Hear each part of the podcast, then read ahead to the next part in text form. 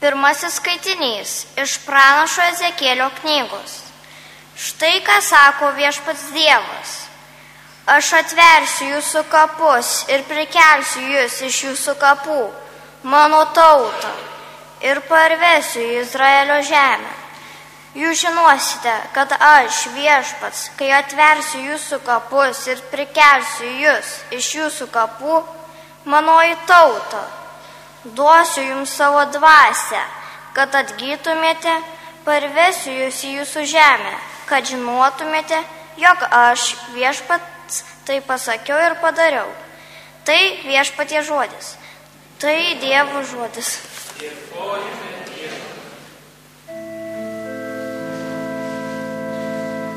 Viešpats yra maloningas didėjo atpirkimo galybė. Viešpats yra maloningas, didėjo atpirkimo galybė. Iš nevilties gilumos tave šaukiuosi viešpatie, viešpatie išgirsti mano balsą. Tegu tavo ausys atsiveria maldavimui mano, išgirsk ir būgailestingas. Viešpats yra maloningas, didijo atpirkimo galybė viešpats yra maloningas, didėjo atpirkimo galybė. Jei tu viešpatie paisytum kaltybių, viešpatie, kas išliktų betgi tu turi galę atleisti kad garbintume tave su baime. Viešpats yra maloningas, didijo atpirkimo galybė. Viešpats yra maloningas, didijo atpirkimo galybė. nekantriai laukiu viešpaties pagalbos ir jo žodžiu pasikliauju.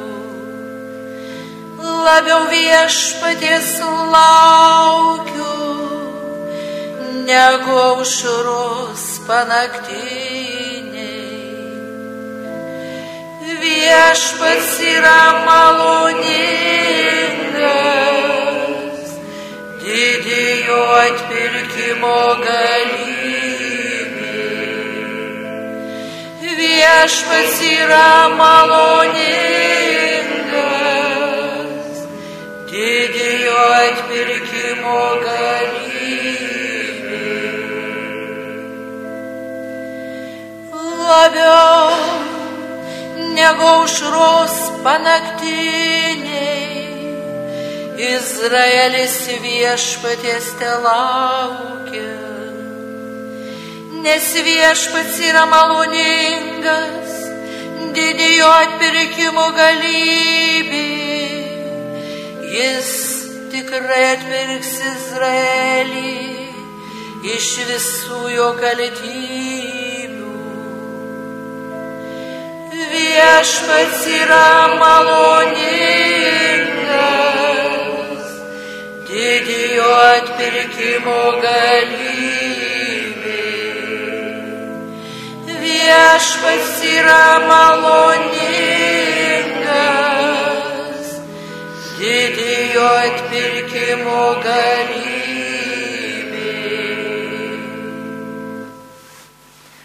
Antrasis skaitinys iš Šventojo Paštalo Pauliaus laiško romiečiams. Broliai ir seserys Kas gyvena kūniškai, negali patikti Dievui. Jūs nesate kūniški, bet dvasiški. Jei tik Dievo dvasia gyvena jumise. O kas neturi Kristaus dvasios, tas nėra jo. Jeigu Kristus yra jumise, tai kūnas tiesa marus dėl nuodėmės, bet dvasia gyva dėl teisumo. Jei jumise gyvena dvasia to, kuris Jėzų prikėlė iš numirusių, tai jis prikėlęs iš numirusių Kristų Jėzų atgaivins ir jūsų mirtinguosius kūnus savo dvasia, gyvenančią jumise. Tai Dievo žodis. Dėkojame Dievui. Garbė tau, Kristau, amžinasi žodį. Garbė tau, Kristau, amžinasi žodį. Aš esu prisikėlimas ir gyvenimas, sako viešpats, kas tiki mane neragaus mirties per amžius. Garbė tau, Kristau, amžinasi žodį. Garbė tau, Kristau, amžinasi žodį. Viešpat su jumis. Iš Šventojios Evangelijos pagal Joną. Anuo metu buvo vienas ligonis Lozorius iš Betanijos kaimo, kur gyveno Marija ir jos sesuo Morta. Marija buvo toji pati moteris, kuri patepė viešpati kvepalais ir nušuostė plaukais jo kojas. Jos brolis Lozorius dabar sirgo. Seseris nusintė jam žinę viešpatie, tas, kuri tu myli, serga. Tai išgirdęs Jėzus tarė, šita lyga nemirčiai, bet Dievo garbiai, kad būtų pašlovintas Dievo sunus. Jėzus mylėjo Mortą, jos seserį ir Lozorių. Vis dėlto, išgirdęs, kad tasai serga, jis dar dvi dienas užtruko ten, kur viešėjo ir tik tada pasakė mokiniams, eikime vėl į judėją. Mokiniai jam atsakė, rabi, ką tik žydai kėsinosi užmušti tave akmenėmis, o tu vėl ten eini. Jėzus tarė, argi ne 12 valandų turi diena? Kas vaikščioja dieną, tas nesuklumpa, nes mato šio pasaulio šviesą o kas vaikščioja naktį, suklumpa, nes jam trūksta šviesos. Tai pasakęs pridūrė, mūsų bičiulis Lozorius užmygo, bet aš eisiu jo pažadinti. Mokiniai atsiliepė viešpatė, jeigu užmygo pasveiks. Jėzus kalbėjo apie jo mirtį, o jie mane, kad jis kalbėjęs apie polisio miegą.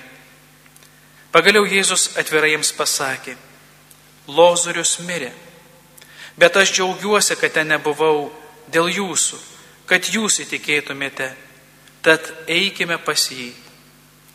Tuomet Tomas, vadinamas dviniu, tarė kitiems mokiniams, eikime ir mes numirti su juo. Atėjęs Jėzus rado Lozorių keturias dienas išgulėjusi kapo Rusyje, o Betanija buvo arti Jeruzalės maždaug penkiolika stadijų atstu. Daug žydų buvo atėję pas Mariją ir Mortą paguosti jų dėl brolių mirties.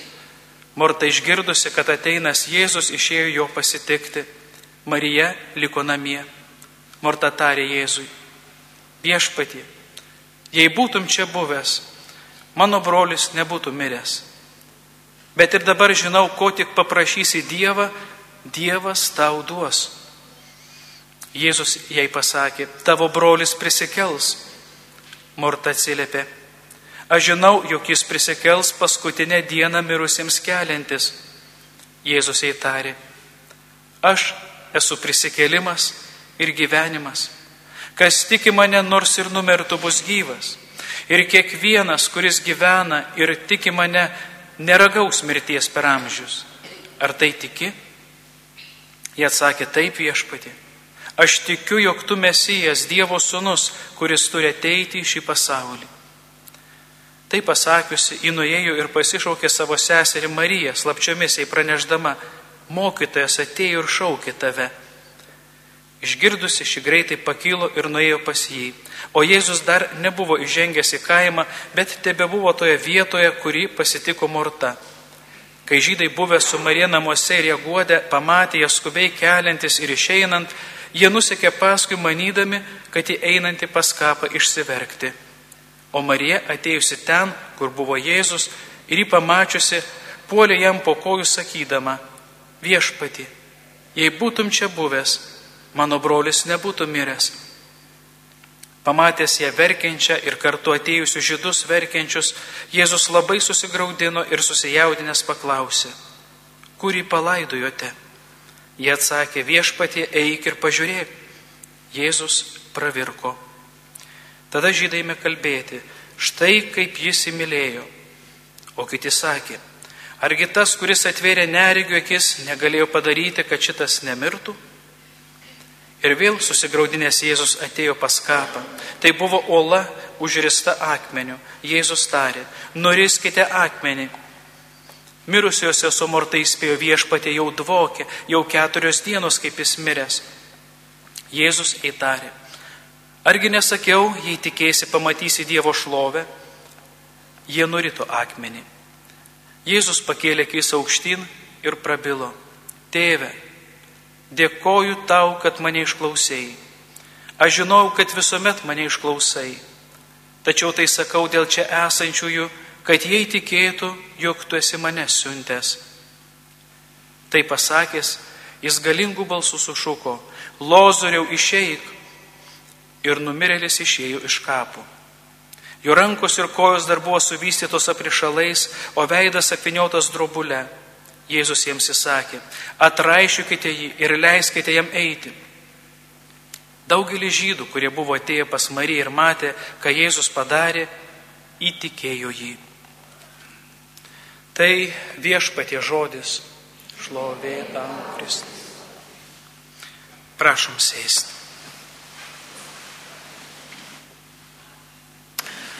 Jau esame penktoje, penktame gavėnios sekmadienį jau pridengė bažnyčiose kryžius ir rytojaus kryžius, sakytume, visoje brutalumu išryškės didį penktadienį. Artėjant tam įvykiu, atrodytų, kai mes žmonės, žmonėje, Dievo sūnų nukryžiavome, kai mes pasilgėme taip su vienatiniu Dievo sūnumi, atrodytų turėtų išsilieti Dievo pyktis Sakyti, kad štai mes, ta tauta, ta giminė, kur yra neverta gyventi.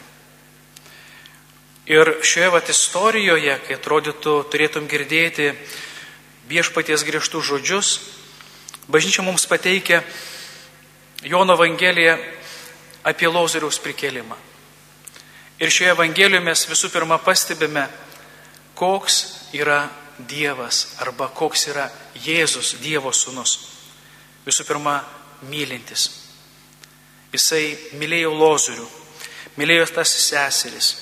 Jisai susigaudino, jisai pravirko. Jisai atrodytų, kad ir pavėluotai atėjo ir net prikėlė.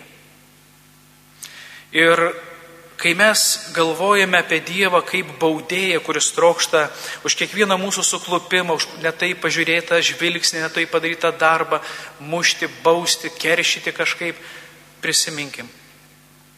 Jėzus ne tik Mortą, Mariją ir Lozorių, bet ir kiekvieną žmogų myli. Šiandieną tas Lozorius gali būti kiekvienas iš mūsų. Ir nežiūrint to, kad mes kartais irgi moka mylėti tuos, kurie yra geri, kurie yra darbštus, kurie mums yra malonus, jie verti meilės. Ir kai jų netenka, mes labai įsilvartaujam.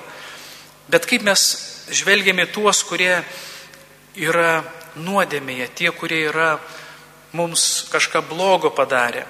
Kaip dažnai mes norime nuo jų nusisukti, prakeikti. Kad ir šiandien, kuomet esam kviečiami melstis už aukas seksualinės.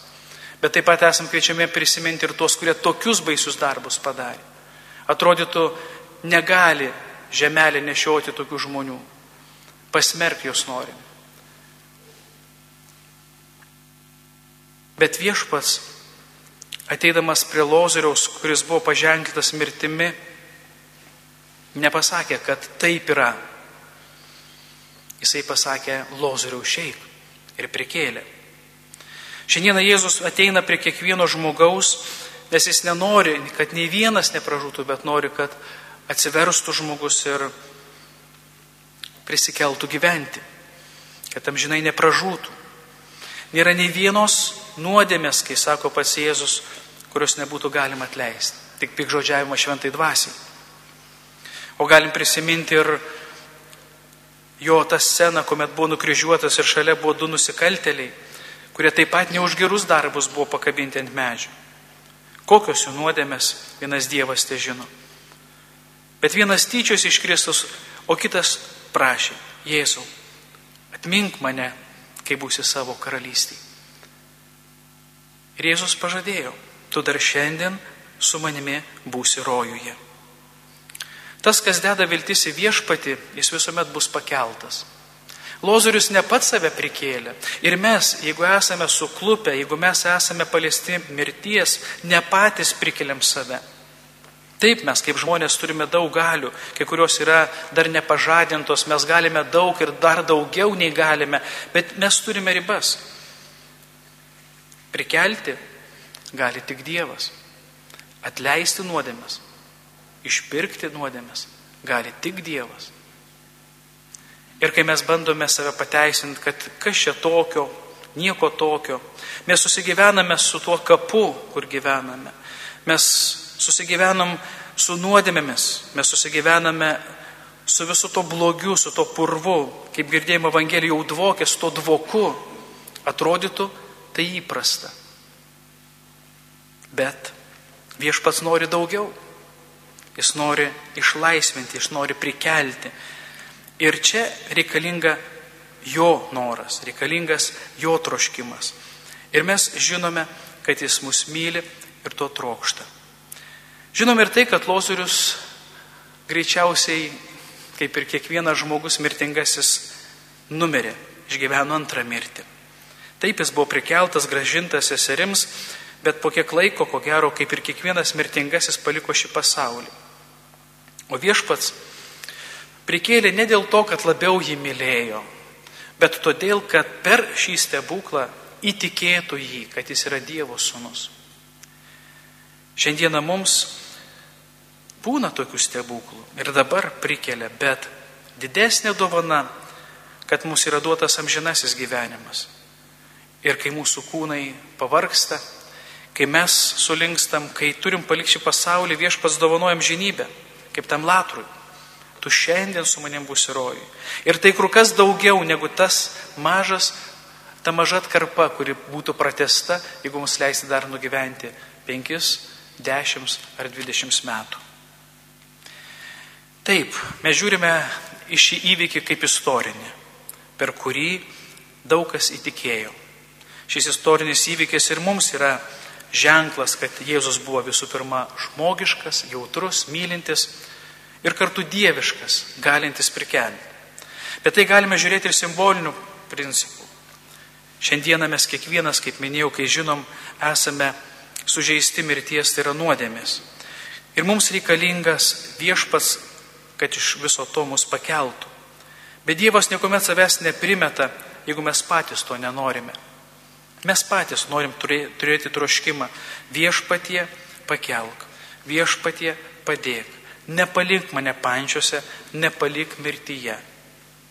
Palaimintas Teofilius, prie kurio sarkofago esame, jis kiek kartų buvo gundomas įvairiais būdais išsižadėti tiesos, išsižadėti Kristaus, bandyti kažkaip tai tą žemišką gyvenimą tarsi prailginti. Kai jisai tiek daug metų kalėjo, kas galėjo pagalvoti, kad tiek daug sulauks visgi žemėje amžiaus.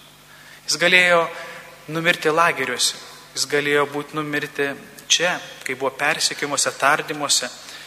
Net ir ta mirtis, kuri yra užfiksuota, turi daug įtarimo, kad galbūt net ir tuo met jis mirė ne savo mirtimi, bet buvo nužudytas.